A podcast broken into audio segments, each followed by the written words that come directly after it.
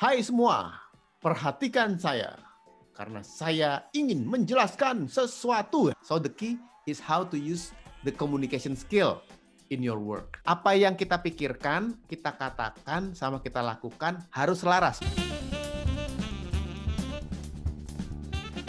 Ya, Assalamualaikum teman-teman semuanya.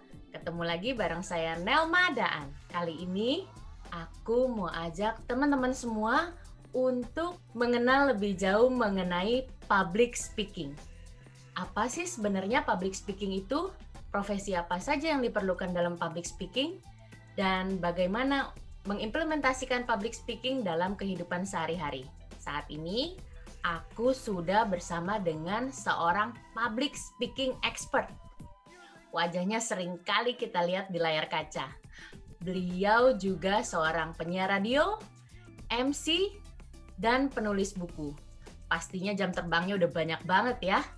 Langsung aja, ini dia Mas Hilbram Dunar. Halo Mas, apa kabar? Halo Manelma, Assalamualaikum warahmatullahi wabarakatuh. Waalaikumsalam, Mas Hilbram. Apa kabar Mas? Alhamdulillah baik. Mas Hilbram, terima kasih banyak ya udah mau sharing sama aku ini dan teman-teman yang nonton di sini. My pleasure, my pleasure. Mas, tapi ceritain dulu dong perjalanan karir Mas Hilbram ini. Gimana sih Mas awalnya bisa terjun di dunia public speaking ini Mas? Saya termasuk orang yang introvert juga sebenarnya, introvert parah malah. Jadi waktu kecil tuh saya nggak pernah berani ketemu orang. Okay. Kalau diajak jalan sama ibu saya, kalau ada orang lain saya ngumpet di belakang ibu saya gitu. Mana anak kecil gitu tuh yang pelukan di punggung, nggak mau lihat orang, that introvert. Karena ibu saya orang Jogja, ibu orang Jogja yang pendiam, nggak banyak ngomong.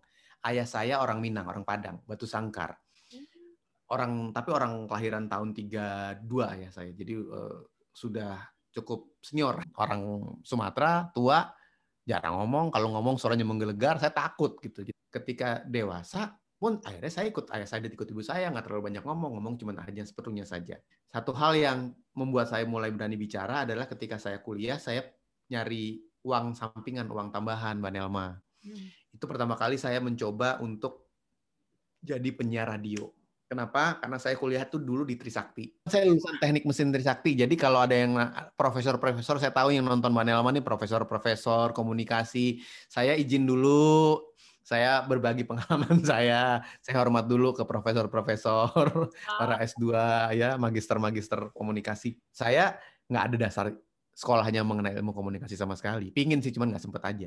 Hmm. Saya kuliah di teknik mesin. Karena waktu itu juga bingung menjadi apa. Ya udah saya buka koran satu sebuah koran yang waktu itu ada tentang uh, susunan kabinet dari pembang, uh, kabinet pembangunan lima tahun pelita berapa gitu ya. Saya lihat kebanyakan menterinya insinyur, insinyur, insinyur. Ya udah saya jadi insinyur aja lah. Begitu di dalam masuk kuliah saya nggak ingat sama sekali satu pun rumus jadi teknik mesin itu sampai sekarang. Di Trisakti itu hmm. saya merasa ingin membantu ibu saya karena ibu saya ayah saya meninggal waktu saya SMP, jadi ibu saya bisa memasukkan saya ke Trisakti, tapi cuman buat uang sekolahnya doang. Buat gaya hidupnya harus cari duit sendiri. Hmm.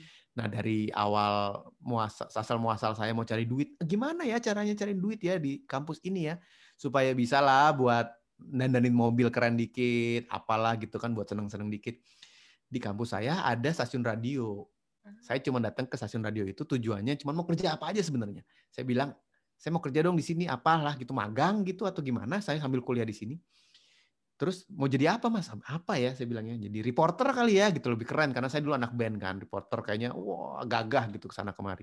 Nggak ada adanya penyiar nah saya menolak tuh awal-awal karena menurut saya laki-laki itu nggak jadi penyiar dan nggak berani ngomong juga hmm. nggak ada mas kalau mau jadi penyiar boleh kalau nggak ya udah gitu nah karena desakan ekonomi kepingin punya duit akhirnya ya ya udahlah jadi penyiar aja deh itu saya termasuk yang lulus paling lama, Manelma. Maksudnya untuk bisa on air ya, yang lain tiga bulan on air, saya itu enam bulan baru dikasih on air, itu juga tengah malam jam 12. Karena emang separah itu usaha saya untuk bisa jadi uh, seorang yang bisa bicara di depan umum. Cuman karena sekolahnya lebih lama, karena usahanya lebih keras, karena teorinya diulang-ulang, akhirnya saya mulai mengerti bagaimana cara membawakannya dan mulai menyukai ketika mulai on air. Dari situ saya mulai menyukai bahwa dapat duit, ada rasa senang di situ. Nah, mulailah saya senang untuk menjadi pembicara dan meneruskan karir. Eh, ujuk-ujuknya menjadi seorang public speaker. Nah, tuh teman-teman ternyata tidak harus uh, jurusan komunikasi untuk bisa mempelajari iya, ini. Jadi gitu. kita berbagi ngobrol-ngobrol soal public speaking nih. Kalau bicara mengenai public speaking, kita bicara mengenai basic human skills gitu ya teman-teman ya. Hmm. Di mana ini adalah sebenarnya teknik dasar yang harus dimiliki oleh setiap orang. Harus loh. Nggak peduli apa pun pekerjaannya, latar belakang sekolahnya bagaimana, hmm. dan profesinya juga atau karirnya seperti apa. You have to know the basic skills of public speaking. Karena kan teorinya adalah we cannot not communicate. Sehingga apa pun yang kita lakukan itu tuh kita berkomunikasi. Ya macam-macam komunikasinya kan. Ada yang verbal, ada yang secara vokal doang, ada yang cuma visual aja macam-macam. Tapi intinya kita harus berkomunikasi. Komunikasi itu kan adalah bagaimana caranya kita mendekatkan diri dengan lawan bicara kan Mbak Nelma.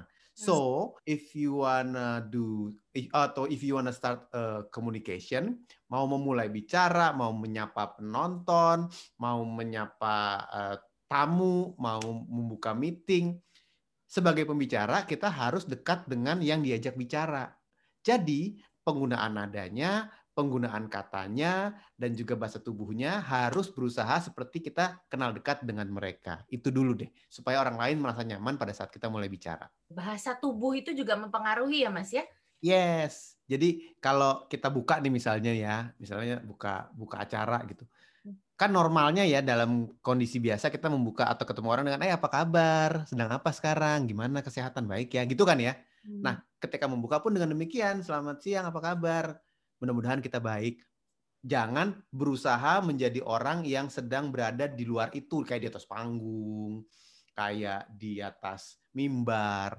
Itu teknik public speaking zaman dulu yang kalau bicara hai semua perhatikan saya karena saya ingin menjelaskan sesuatu ya itu zaman dulu tuh yang ngomongnya satu arah begitu. Nah sekarang tuh yang dicari adalah kedekatannya. Jadi berbicaralah seolah-olah kita dekat dengan audiens kita, dengan orang lain, walaupun sebenarnya nggak ada orang di depan kita, hmm. ya kan? Tapi tetap kita punya harus punya anggapan kita berbicara ke orang tersebut. Uh, public speaking ini uh, apa sih Mas artinya? Suka ada pertanyaan apa bedanya speaking sama talking? Speaking itu like speech gitu ya. You, you, uh, kita bicara ke banyak orang. Talking itu lebih person.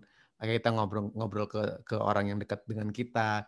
Dasarnya itu begitu. Hmm. Kalaupun namanya adalah public speaking, hmm. tapi kita tetap harus punya anggapan ketika kita bicara itu bukan ke orang banyak, tapi ke satu orang. Jadi kayak uh, orang pengganti kedua ke Anda, ke kamu, to you, bukan kehadirin sekalian, bukan ke semua yang ada di sini, kayak gitu. Nah, jadi public speaking adalah kemampuan kita bicara ke banyak orang, tapi terdengarnya seperti kita berbicara ke orang tersebut, ke satu orang. Nah, gimana caranya tuh, Mas, biar orang mau mendengarkan apa yang kita sampaikan? Pertama-tama yang kita harus miliki adalah mengenal kita bicara ke siapa. Jadi kalau Mbak Nelma ini sekarang sedang bikin channel YouTube gitu ya, hmm. you have to know siapa penontonnya, who's the viewer. Okay. Atau paling enggak tujuannya itu ingin ditonton oleh siapa. Hmm. Karena nanti kita akan memilih tuh penggunaan katanya bagaimana, isi materinya seperti apa, bahasa tubuhnya bagaimana, lalu siapa saja orang-orang yang akan diundang. Dari situ diharapkan kita bisa dengan mudah menyentuh mereka, membuat mereka peduli, memperhatikan dan mengerti apa yang kita katakan. Jadi you have to understand and know your audience. Itu dulu tuh awalnya tuh. Baru nanti kepikiran tuh kita menggunakan katanya gimana, apa saja isinya. Jadi kita nggak bisa hanya mempersiapkan materi aja ya Mas, kita harus lihat juga siapa audiens yang akan uh, mendengarkan omongan kita gitu ya. Nah ini bahayanya kalau orang hanya fokus pada pe, pe, penguasaan materi. Yes, materi kita harus karena kalau nggak tahu materi nggak mungkin juga kita bisa ngomong dengan tenang ya, pasti panik ya. Ya kita harus tahu materinya apa, mau nanya apa, isinya apa. Eh tapi ini untuk semua ya teman-teman ya, Menelma. Jadi bukan cuma ketika kita bicara di entertainment, di sosial media, di YouTube seperti ini, tapi juga berbicara di meeting, melakukan presentasi, it's all the same. Sama tekniknya. Jadi kita mengenal dulu karakter audiensnya seperti apa. Dari mengenal karakternya itu, ketika kita menyampaikan materi yang sudah kita tahu, kita lebih mudah untuk beradaptasi ketika ada sesuatu yang mungkin misalnya kita belum belum masukkan ke dalam materi tersebut. Pada saat tanya jawab, pada saat bicara mempresentasikan materi kita. Contohnya gini deh, waktu saya pertama kali jadi presenter TV, Itu tuh saya bawain acara infotainment. Tentunya saya harus tahu bahwa karakter penonton TV ini adalah si ibu-ibu dan mbak-mbak. Berarti ketika berbicara, yang ada dalam bayangan saya kalau ngomong itu ke mereka. Dengan bermain nada, dengan ada intonasi yang lebih dimainkan, dengan ekspresi wajah yang lebih ramah gitu ya. Terus saya bawain acara sport, olahraga waktu itu, F1, bola, eh, bulu tangkis, dan lain-lain. Ketika saya bawain acara sport, maka kebanyakan penontonnya adalah laki-laki. Maka saya menurunkan permainan nada. Intonasi diturunkan, nggak lagi, hai apa kabar, gimana semoga gitu. Cuman yang, hai, nadanya lebih ramah, nadanya lebih menyenangkan gitu. Berikutnya saya sempat juga membawakan acara Golden Ways di Metro TV sama Pak Mario Teguh. Mario Teguh Golden Ways itu adalah sebuah acara yang ditonton family, keluarga semua, ditayangkan di hari prime time hari Minggu malam. Jadi benar-benar masuk ke ruang keluarga pemirsa. Maka saya menyapanya seperti datang ke rumah orang yang ketemu dengan keluarga. Ada bapaknya, ada ibunya, ada anaknya, semua nonton bareng. Nah, ketika kita tahu siapa audiens kita, begitupun saat meeting ya, saat meeting itu kita harus tahu ini uh, berarti karakternya adalah ini lalu kita akan bertemu dengan begini kita akan berhadapan dengan orang begini maka ketika kita bicara kita tahu betul nih sudah ada di kepala kita bahwa orang tersebut karakternya seperti ini yang disukai apa cara ngomongnya bagaimana pemikiran dia seperti apa ketika kita bicara, dia akan lebih mudah mendengarkan dan lebih mudah menyimak apa yang kita katakan. Itu macam-macam tuh, Manelma. Hmm. Kalau saya di, di buku saya Speak for Money dan My Public Speaking, saya breakdown lagi tuh. Ada yang berdasarkan gender, ada yang berdasarkan usia, ada yang berdasarkan uh, status ekonomi sosial, ada yang berdasarkan tingkat pendidikan, ada juga berdasarkan daerah dari datang dari mana bicara ke orang Jawa sama bicara ke orang Sumatera ada perbedaannya gitu-gitu sehingga kita lebih dekat ketika menyapa mereka. Komunikasi kita sama anak-anak dan sama orang tua tentunya kan itu juga beda ya Mas ya. Apalagi ini hmm. dari suku, itu bisa jadi pendekatan tersendiri ya Mas ya. Katakanlah kita apa ya, jualan gitu misalnya. Sedang menjadi salesman, kita mau menjual uh, spidol gitu misalnya ya. Saya mau jualan spidol nih. Terus tiba-tiba kita mau presentasi jualan spidol ini ke kalangan eksekutif CEO dan para founder dari perusahaan-perusahaan oil company gitu. Usianya 50-an. Sama dengan jualan spidol yang sama, kita masuk ke sekolah lalu mau jualannya ke anak-anak SD, kindergarten atau elementary school.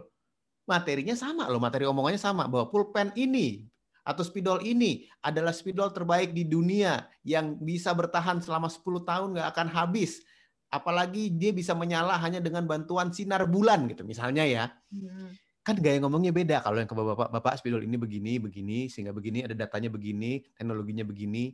Kalau ke anak-anak sekolah kan, tahu nggak sih spidol ini tuh hebat banget karena dia bisa gini dan dia bisa gitu ada ekspresi wajahnya hal-hal kecil kayak gini kadang-kadang suka dilupakan orang sehingga ketika bicara menjadi seorang public speaker semuanya sama. Bicaranya sama. Padahal nggak kena kalau nggak sesuai dengan karakter orang yang diajak bicara. Itu uniknya dan seninya public speaking. Ternyata ya uh, public speaking ini teman-teman tidak hanya untuk orang yang berprofesi sebagai MC biasanya kan gitu ya mas. Orang pikir public speaking hanya untuk MC gitu. Tapi ternyata bisa untuk jualan juga dan uh, presentasi. Rasanya memang perlu untuk kehidupan kita sehari-hari ya mas ya. Apalagi sekarang yeah. banyak youtuber-youtuber kayak aku gini kan? Betul. Jadi uh, makanya saya bilang bahwa public speaking ini adalah life skill kan. Kemampuan dasar manusia yang harus kita miliki sama-sama bisa buat apa aja. Lagi ada acara keluarga ketika bicara public speaking nanti tiba-tiba anaknya nikahan gitu dia harus speech public speaking. Lalu di acara kantor mau serah terima jabatan public speaking. Bahkan kuncinya gini nih kalau pengalaman saya ya keliling-keliling di Indonesia ya saya masih menunggu diundang ke UK amin. Keliling-keliling Indonesia saya menemukan bahwa ada orang-orang ke berbagai uh, universitas gitu ya ke berbagai SMA fresh graduate. Itu pinter-pinter semua mbak pinter-pinter secara akademis. Nilainya yang eh, IPK-nya tinggi lah, yang rankingnya tinggi lah, yang prestasinya bagus.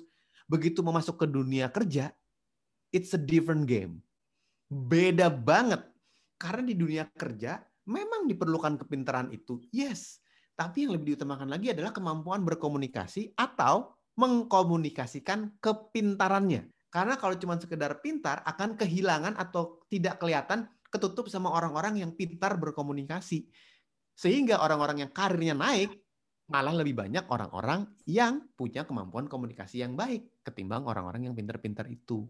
Karena lebih mudah menyampaikan ide, gagasannya diterima, materinya dimengerti, eh, maksudnya juga bisa dicapai ketika presentasi baik, sehingga orang mudah tertarik. So the key is how to use the communication skill in your work. Ya memang itu uh, penting banget. Jadi ya ilmu akademis tentunya penting ya Mas, tapi komunikasi yeah skill itu memang harus uh, kita terapkan gitu. Gimana kita orang mau mengerti apa yang kita lakukan, apa yang kita kerjakan kalau kita tidak bisa mengkomunikasikannya dengan baik. Iya, betul, betul. Yang sering jadi masalah adalah ternyata ilmu komunikasi ini nggak semuanya diajarkan pada saat kita sekolah. Saya nggak tahu ya kalau kurikulum di Cambridge atau UK itu diajarin apa enggak ya ada di dalamnya kalau di beberapa sekolah secara tidak langsung diajarkan karena dari kecil bahkan dari SD kan anak-anak sudah mulai diminta untuk presentasi ya. Betul. Itu kan memupuk kemampuan bicara dan juga keberanian berbicara di depan umum. So it's okay. Tapi ada beberapa orang yang memang nggak pernah selama dia sekolah sampai kuliah tuh atau bicara di depan umum nggak pernah sama sekali. Hmm. Begitu masuk ke dunia kerja, dia harus menjawab, memimpin rapat, mempresentasikan idenya, ya bingung kan. Kalau kita misalnya kita bicara depan orang, bawaannya itu kan pasti gugup. Gimana hmm. sih latihannya supaya kita nggak gugup? Ada beberapa teknik yang bisa kita atasi untuk menghandle grogi, menghandle nervous. Jadi hmm. yang pertama adalah nggak boleh nggak gugup itu dulu loh, Mbak Nelma. As a speaker, kalau kita bicara nggak ada groginya, kita bicara nggak ada tekniknya. Percaya deh ngomongnya salah-salah, nggak peduli materi, nggak peduli audiens, nggak peduli sekitar, nggak peduli sound, nggak peduli gambar, nggak peduli lighting, you just talk, you just speak. Kayak kita ngomong ke ke temen lah sehari-hari, itu kan kita ngomong nggak perlu mikir-mikir banget kan. Wah, saya lagi ngobrol sama teman saya nih, berarti nada saya harus dijaga, harus ada bahasa tubuhnya kan nggak gitu.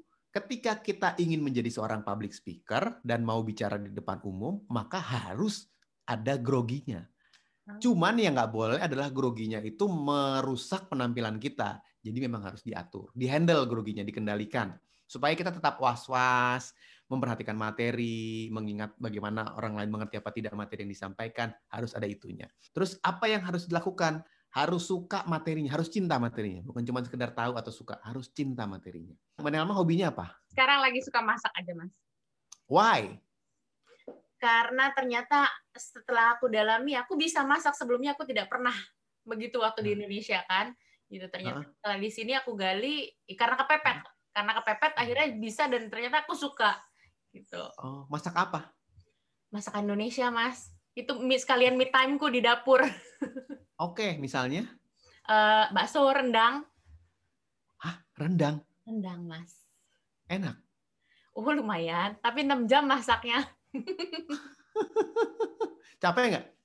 Lumayan, lumayan Mas. Mesti bolak-balik, atur apinya, kayak gitu kan. Pastiin itu harus diaduk kayak gitu. Banyak hal yang mesti diperhatiin ternyata. Di balik sajian yang enak, tampilannya eh, bagus dilihat gitu, ternyata banyak effort. Oke. Mbak Nelma sadar nggak bahwa saya tadi memancing Mbak Nelma untuk menjelaskan apa yang Mbak Nelma sukai, cintai, and then you speak normally, tanpa dipikir, tanpa ragu-ragu, nggak pakai ae ae, nggak ada kehilangan kata, bahasa tubuhnya ada, ekspresi wajahnya ada, semua karena menjelaskan sesuatu yang kita cintai. So, untuk bisa menenangkan diri dan bicara lebih maksimal, harus mencintai materi yang disampaikan. Persis kayak Mbak Nelma tadi, you have to love your material. Aku berasa kayak sekalian di ini nih, ada ponten habis ini, aduh. belajar sama-sama ya teman-teman ternyata. Wow. Memang harus uh, praktis ya Mas ya. Seperti ini public speaking ini memang harus ada uh, latihan, harus ada ilmu yang kita uh, kenali dulu. Iya, jadi harus ada dasarnya. Karena kalau nggak ada dasarnya, ya sebenarnya ada beberapa orang yang dia bisa ngomong aja gitu, ngomong juga udah rame. Kan ada tuh beberapa orang yang kayak gitu, like born to speak atau apa, ya bisa juga. Cuman kan tetap aja semakin dia belajar teorinya, akan semakin dia mengerti bagaimana menyampaikannya. Tadi kita bicara mengenai handling nervous, mengatur grogi. Hmm. Harus menyukai materi yang kita bicarakan, sehingga kita ngomongnya lebih bersemangat, berapi-api gitu ya. Ngomongnya tulus, semakin kita menyukai ngomongnya tulus. Cuman pertanyaannya kan, ya kalau materinya kita suka, misalnya materi hobi itu gampang. Kalau tiba-tiba harus menjelaskan tentang fisika kuantum, dilihat dari sudut pandang filosofi Yunani gitu. Nah itu kan agak sulit ya, agak oh gimana caranya gitu. Nggak harus detail materi tersebut sih yang membuat kita suka bicara dan bisa berbicara dengan baik, tapi the idea of the concept. Misalnya kita memang menyukai materi itu atau menyukai bidang itu, maka kita akan menjadi orang yang ketika bicara berbinar-binar nadanya atau kita menjadi orang yang kalau sedang bicara itu merasa senang karena apa yang kita katakan bermanfaat bagi orang lain. Kan saya selalu bilang gini, nggak perlu takut, nggak perlu khawatir, karena pada saat kita bicara, insya Allah itu kita berbicara yang baik-baik ya Manelma ya. Hmm. Kita bicara ilmu, kita bicara motivasi, kita bicara inspirasi, kita bicara cerita pengalaman hidup yang bermanfaat, macam-macam lah. Tapi intinya semuanya berguna buat orang lain. Berarti kita menjadi kepanjangan tangan Tuhan untuk bisa menghebatkan orang lain melalui apa yang kita ceritakan. Kalau kita menjadi kepanjangan Tuhan, kita pasti dibantu Tuhan. Kalau udah dibantu Tuhan, nggak mungkin salah. So just speak. Jangan terfikir bahwa kalau kita nggak suka ngomong atau merasa dirinya adalah orang-orang introvert, maka punya keterbatasan dalam komunikasi atau dalam public speaking. Nah, orang-orang ekstrovert ini justru harus lebih hati-hati Kenapa? Karena memang dasarnya kan suka bertemu orang, suka berkomunikasi, suka bicara. Kalau nggak ada dasarnya, dia merasa it's okay. Sehingga ketika dia bicara, dia nggak terlalu fokus pada teknik-teknik kemampuan bicara atau kemampuan public speaking. Orang-orang yang introvert, karena dia takut ketemu orang, nggak pernah berani mulai, kalau ngomong sama orang nunduk, kalau disuruh ketemu orang bilang belakangan aja, ini ketika dipaksa, mulai dari jabatan lah, karena karir, karena segala macam, akhirnya dia belajar. Karena dia belajar, dia tahu tekniknya. Karena dia tahu tekniknya, ketika ngomong, biasanya malah lebih baik. Jadi untuk orang-orang yang ekstrovert, justru harus lebih ekstra belajar lagi. Jangan sampai semuanya dikendalikan sama insting. Karena nanti akhirnya bicaranya nggak pakai teori. Sebenarnya orang introvert itu lebih punya rem, gitu ya Mas ya? Iya, lebih punya kendali. Oke, kalau ekstrovert ini mungkin agak sedikit uh, overconfidence gitu. Iya, kadang kadang begitu. Tapi nggak apa-apa juga, nggak apa-apa juga. Cuman kalau kita nilai ya, nilai benar-benar dari uh, coba kita perhatikan gesturnya, coba kita perhatikan intonasinya, coba kita perhatikan ininya, kayaknya lebih gitu. Apalagi kalau bicara soal uh, bicara atau bercerita dengan struktur. Kalau nggak dipelajarin betul, nggak disiapin, itu bisa lost tuh strukturnya. Seberapa penting kita menggunakan artikulasi itu harus jelas. Dan kalau misalnya orang cadel gimana? Pronunciation adalah salah satu teknik kita untuk bisa mendapatkan perhatian dengan mudah. Jadi sebagai public speaker, kita tuh harus bisa menggrab attention from the audience. Ini kalau kita bicara ke orang banyak sih, terutama ya Mbak Nelma. Hmm. Kenapa public speaker public speaker itu bisa menjadi orang yang berkarisma? Hmm. Karena ketika dia bicara bisa menjadi pusat perhatian. Nah, hmm. untuk bisa menjadi pusat perhatian harus bisa diperhatikan. Itu dulu. Caranya apa? Caranya ketika muncul suaranya terdengar dengan jelas. Ketika muncul orang lebih mudah memperhatikan karena pakaiannya sesuai dengan apa yang diharapkan oleh audiens itu dulu kan. Nah, salah satu kunci di dalamnya adalah memiliki pronunciation yang baik, artikulasi yang baik, pelafalan yang baik. Kenapa? Karena orang lain lebih mudah untuk menyimak. Dasarnya gini, seorang um, public speaker atau audiens lah, audiens itu harus dibikin segampang mungkin menyimak, mendengar dan melihat seorang pembicara. Segampang mungkin. Jadi kalau mereka ada usaha, semakin besar usahanya akan semakin susah seorang public speaker untuk tampil berkarisma. Hmm. Contohnya, kalau ada orang bicara ngomongnya pelan. Nih, kalau saya ngomong pelan suaranya segini nih. Mbak Nelma ngomongnya normal. Saya pakai suara segini, akhirnya ketika saya bicara, kalau ada yang niat banget di YouTube harus ngedein gadgetnya, ngedein handphonenya, ngedein laptopnya, iya kan? Ntar kecilin lagi, gedein lagi, lama-lama bosen, hmm. lama-lama hilang. Awal-awal mungkin tertarik, cuma walaupun materinya sebagus apa pun, cuman kalau nggak kedengaran dengan baik, kan hilang, gone. Itu mempersulit. Kalau kalau saya ngomong nggak jelas, misalnya saya bergumam banyak bergumamnya, suaranya nggak rapih. Awal-awal orang harus ekstra usaha untuk mendengar ini sebenarnya dia ngomong apa sih gitu? Hah? Gimana maksudnya gitu? Ketika orang berusaha keras lagi untuk mendengar saya bicara, lama-lama capek sendiri, capek kupingnya, gone. Termasuk orang yang kalau bicara terlalu cempreng suaranya atau tiba-tiba suaranya kayak orang yang uh, terlalu berat dan dalam yang mum, mum, mum gitu. Akhirnya gone. Ya, kita bicara mengenai bagaimana orang punya banyak pilihan untuk mendengar atau melihat sesuatu sekarang. Terus tadi termasuk yang mana bilang kalau cadel gimana. Nah, intinya adalah kita harus membuat orang lain nyaman mendengarkan. Lalu kalau ada susah ngomong R, itu berarti bisa menjadi sebuah karakter, Mbak. Kalau zaman dulu itu menjadi sesuatu yang berusaha dihilang-hilangkan, tapi akibatnya orang malah ragu-ragu si pembicara ini kalau dia ngerasa dia cadel atau ngerasa kurang pronunciasinya kurang baik, dia menjadi ragu-ragu kalau bicara. Contohnya ada orang yang kalau kalau ngomong R-nya nggak jelas, jadi setiap kali ketemu R dia tuh berusaha untuk mencari kalimat lain atau menurunkan volume suaranya. Nggak cuma R ya, cadel tuh ada macam-macam. Ada yang kalau ngomong S-nya F gitu misalnya. S S gitu karena dia ngerasa begitu lalu dia mencari-cari akhirnya jadi nggak pede akhirnya ketika bicara jadi nggak lantang padahal sebenarnya orang udah nggak terlalu peduli lagi dia cadel apa enggak S-nya bagaimana, R-nya bagaimana. Kalau dia bicaranya dengan lantang, terdengar dengan baik, ngomong-ngomong dengan jelas, terstruktur, nggak banyak filler words yang ae ae, bicaranya dengan bahasa tubuh yang baik, orang memperhatikan. Nggak peduli pakai logat Jawa, kayak ada logat Bataknya, ada logat mananya, daerah mananya. It doesn't really matter. Yang penting the confidence and how you use your confidence to communicate with yeah. others. Yang penting body language ini Mas juga seberapa penting okay. Mas peranannya dalam menunjak uh, public speaking? Saya izin dulu nih ke teman-teman yang jurusan komunikasi yang pinter-pinter.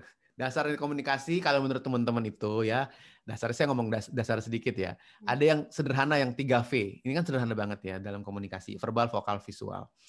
Menurut teori lama ini dipengaruhi dari verbal, vokal dan visual. Verbal itu kata-kata berpengaruh 7%. Lalu vokal suara kita ber suaranya kedengaran dengan jelas apa enggak, permainan nadanya bagaimana, bentuk suaranya seperti apa, itu berpengaruh 38%. Dan ternyata yang paling utama berpengaruh dalam sebuah komunikasi adalah visual, the way you look, pakaian, ekspresi wajah, bahasa tubuh, aksesoris yang kita pakai, yang gampang dilihat karena manusia itu makhluk visual. Jadi berpengaruh 55%. Sekitar itulah ya kurang lebih ya. Penting banget, penting banget. Jadi kalau kita bicara tanpa menggunakan bahasa tubuh atau tidak memperhatikan visual, maka kita akan kehilangan ham, lebih dari setengah penampilan kita untuk membuat orang lain memperhatikan. Itulah biasanya penyiar radio yang jago-jago podcast, yang nggak muncul atau nggak kelihatan, harus punya kemampuan ekstra keras untuk bisa membuat theater of mind namanya. Bagaimana? Ketika orang ini bicara, nggak ada gambarnya, nggak ada videonya, tapi audiensnya bisa membayangkan atau melihat dari hanya mendengar suara dan penyampaian kata-katanya. Apalagi sekarang ini kita dapat kemudahan untuk tampil secara visual juga. Jadi gunakan semaksimal mungkin bahasa tubuh kita supaya apa yang kita sampaikan lebih impactful buat audiens. Gimana caranya? Gampangnya adalah apa yang kita pikirkan, kita katakan, sama kita lakukan harus selaras. Dengan demikian kita akan memiliki kemampuan bicara dengan menggunakan bahasa tubuh yang tepat. Walaupun ini ada latihannya, latihannya wah agak panjang tuh memang kalau bahasa tubuh tuh lebih lebih dalam sendiri. Saya lagi bikin sebuah kurikulum di mana nanti saya akan ngajar satu jam di sebuah platform eh, pengetahuan yang memang hanya membahas mengenai public speaking. Karena banyak banget. Tapi intinya use your body language ketika bicara. Misalnya ketika kita lagi mikir mau ngomong tentang angka tiga, oke, lalu kita bicara tiga dong. Kalau udah tiga, tiga, maka kita akan menunjukkan tiga. Jadi misalkan saya bilang, jangan lupa teman-teman ada tiga hal penting yang perlu kita perhatikan. That's it. Akan lebih powerful kalau saya bilang jangan lupa ada tiga hal penting yang perlu kita perhatikan. Ini menjadi anchor nih. Orang akan lebih mudah mengingat, orang akan lebih mudah merasa apa yang saya tampilkan dalam bahasa tubuh. Satu, dua, tiga. Itu misalnya bicara soal angka. Begitupun kalau kita bicara besar kecil, besar kecil, besar kecil, ya. Itu juga membuat orang lain lebih punya kemampuan untuk membayangkan bahasa tubuh itu adalah sesuatu yang hampir secara refleks kita lakukan. Karena mulut bisa berbohong, tapi tubuh hampir tidak bisa berbohong. Jadi ada beberapa orang yang memang sudah latihan, tapi karena kebiasaan akhirnya loss. Misalnya, Saya pernah bertemu dengan atau memberikan training ke beberapa CEO atau direktur utama. Yang saya latih utama itu justru ke bahasa tubuhnya. Ketika dia sedang mengatakan sesuatu ke jajarannya, ke timnya, dia mau hmm. bilang bahwa tenang Bapak Ibu, persoalan kita adalah persoalan yang kecil. Dia bilang kecil, tapi hatinya tahu bahwa this is a very uh, serious situation gitu. Ini sebenarnya masalahnya jauh lebih kompleks dari keadaannya. Jadi walaupun dia ngomong mulutnya kecil, tapi tangannya menunjukkan sesuatu yang besar. Sehingga terjadi kontradiktif. Orang yang memperhatikan juga jadinya merasa kurang nyaman karena apa yang dikatakannya nggak sesuai dengan apa yang dilakukan. Itulah kira-kira kalau kita membahas mengenai bahasa tubuh. Apa pun yang kita pikirkan, kita katakan, dan kita lakukan itu selaras. Dan harus ada ya naik turun kanan kiri lalu eh, besar kecil satu dua tiga apa kabar semuanya menunjukkan tangannya ada ada ekspresi wajahnya juga. Karena bukan cuma digerakkan badan doang bahasa tubuh itu ada di ekspresi wajah juga. Bagaimana cara kita untuk mempelajari public speaking ini um, dalam kehidupan sehari-hari? Haruskah kita sering-sering berbicara depan cermin gitu? No no no no no no no Uh, the world is your stage. Di mana pun kita berada, saat kita bicara ke dua orang atau lebih, itu berarti kita sudah bicara ke dengan teknik public speaking. Dua orang atau lebih, dua, dua puluh, dua ratus, dua ribu, dua juta, sama aja tekniknya. Jadi ketika kita bicara ke beberapa orang, itu rasakan bahwa kita sedang melakukan public speaking. Lama-lama kita akan terbiasa karena salah satu cara paling mudah untuk mempelajari public speaking adalah dengan mengenal teori dasarnya dan mempraktekannya sesering mungkin. Nggak mungkin kita belajar public speaking berhari-hari, hmm. dapat semua ilmunya, tapi jarang dipraktekkan, susah. Kalau bicara tanpa teori, praktek terus, itu malah lebih bisa. Walaupun hasilnya nggak sempurna ya, nggak maksimal ya, tapi itu lebih bisa. Karena ini adalah sebuah skill yang harus di gunakan berkali-kali. Kayak orang naik naik sepeda saya nyebutnya, Manelma. Kalau naik sepeda tuh kan uh, beberapa kali kita pertama pakai roda empat, oke? Okay? Karena nggak berani, jadi sama kayak kita public speaking kayak baca teks banget semua, nggak pernah ada ngelihat audiensnya baca aja semua, oke? Okay. Lalu copot jadi roda tiga, copot jadi roda dua. Wah mulai nih, kagok nih roda dua ngomong tanpa teks, belibet belibet, ae ae, salah salah naik sepeda goyang-goyang, jatuh-jatuh, it's okay, it's okay. Hmm. Karena emang belum profesional. Nah, teman-teman, cukup jelas ya rasanya penjelasan dari Mas Hilbram. Tapi aku ada last question nih, Mas. Hmm. Bisa tolong kasih tips buat aku dan teman-teman, Mas, uh, supaya teman-teman mau belajar public speaking sekarang juga. Jadilah kepanjangan tangan Tuhan untuk memberikan banyak manfaat ke orang lain melalui kemampuan bicara kalau kita mau jadi kepanjangan tangan Tuhan, maka kita harus bisa melatih kemampuan bicara kita agar apa pun yang kita sampaikan memberi manfaat sebanyak mungkin ke orang lain. Caranya adalah dengan apa? Dengan menyukai materi yang kita sampaikan, dengan punya niatan untuk berbagi baik kepada orang lain, dan yang paling penting adalah kita ingin menjadi orang yang menjadi sebuah kesatuan dalam sebuah kesempatan untuk memiliki manfaat sebesar-besarnya kepada orang-orang yang ada di sekitar kita. That's it. Enak banget loh dengerin Mas uh, Hilbram ini ngomong. Aku rasanya kayak didogangin tapi tetap dapat ilmu. Ini padat banget. Kalau misalnya daging ini rasanya kayak wagyu premium. Waduh, mudah-mudahan ilmu ini bisa aku dan teman-teman praktekkan dan amin amin amin. uh, dan uh, teman-teman kalau misalnya mau tahu lebih banyak lagi mengenai public speaking bisa hubungin Mas Hilbram ya Mas ya? Monggo monggo monggo. Iya. silakan ya. silakan. Terima kasih terima kasih. Kalau tips-tips kecil sih ada di YouTube saya di Hilbram Dunar. Itu saya mulai memberikan sedikit tapi kecil-kecil ya karena menurut saya sebenarnya lebih lebih powerful public speaking itu kan lebih dalam. Jadi di tips-tips kecilnya ada di YouTube. Kalau bukunya mungkin uh, secara digital ya bisa ya kalau uh, belinya digital dari teman-teman yang ada di UK atau di mana pun itu mungkin bisa lihat. Oke, okay. kalau gitu Mas, terima kasih banyak buat sharingnya, buat ilmunya. Ini bermanfaat banget buat aku dan teman-teman yang nonton di sini. Mudah-mudahan teman-teman bisa mengaplikasikannya dan ya udah gitu aja. Aku nggak tahu lagi mau ngomong apa. Kalau gitu pamit dulu. Mas terima kasih. Teman-teman terima, terima kasih, kasih. mudah-mudahan ini bermanfaat. Sampai ketemu lagi di video berikutnya. Wassalamualaikum. Salam, dah.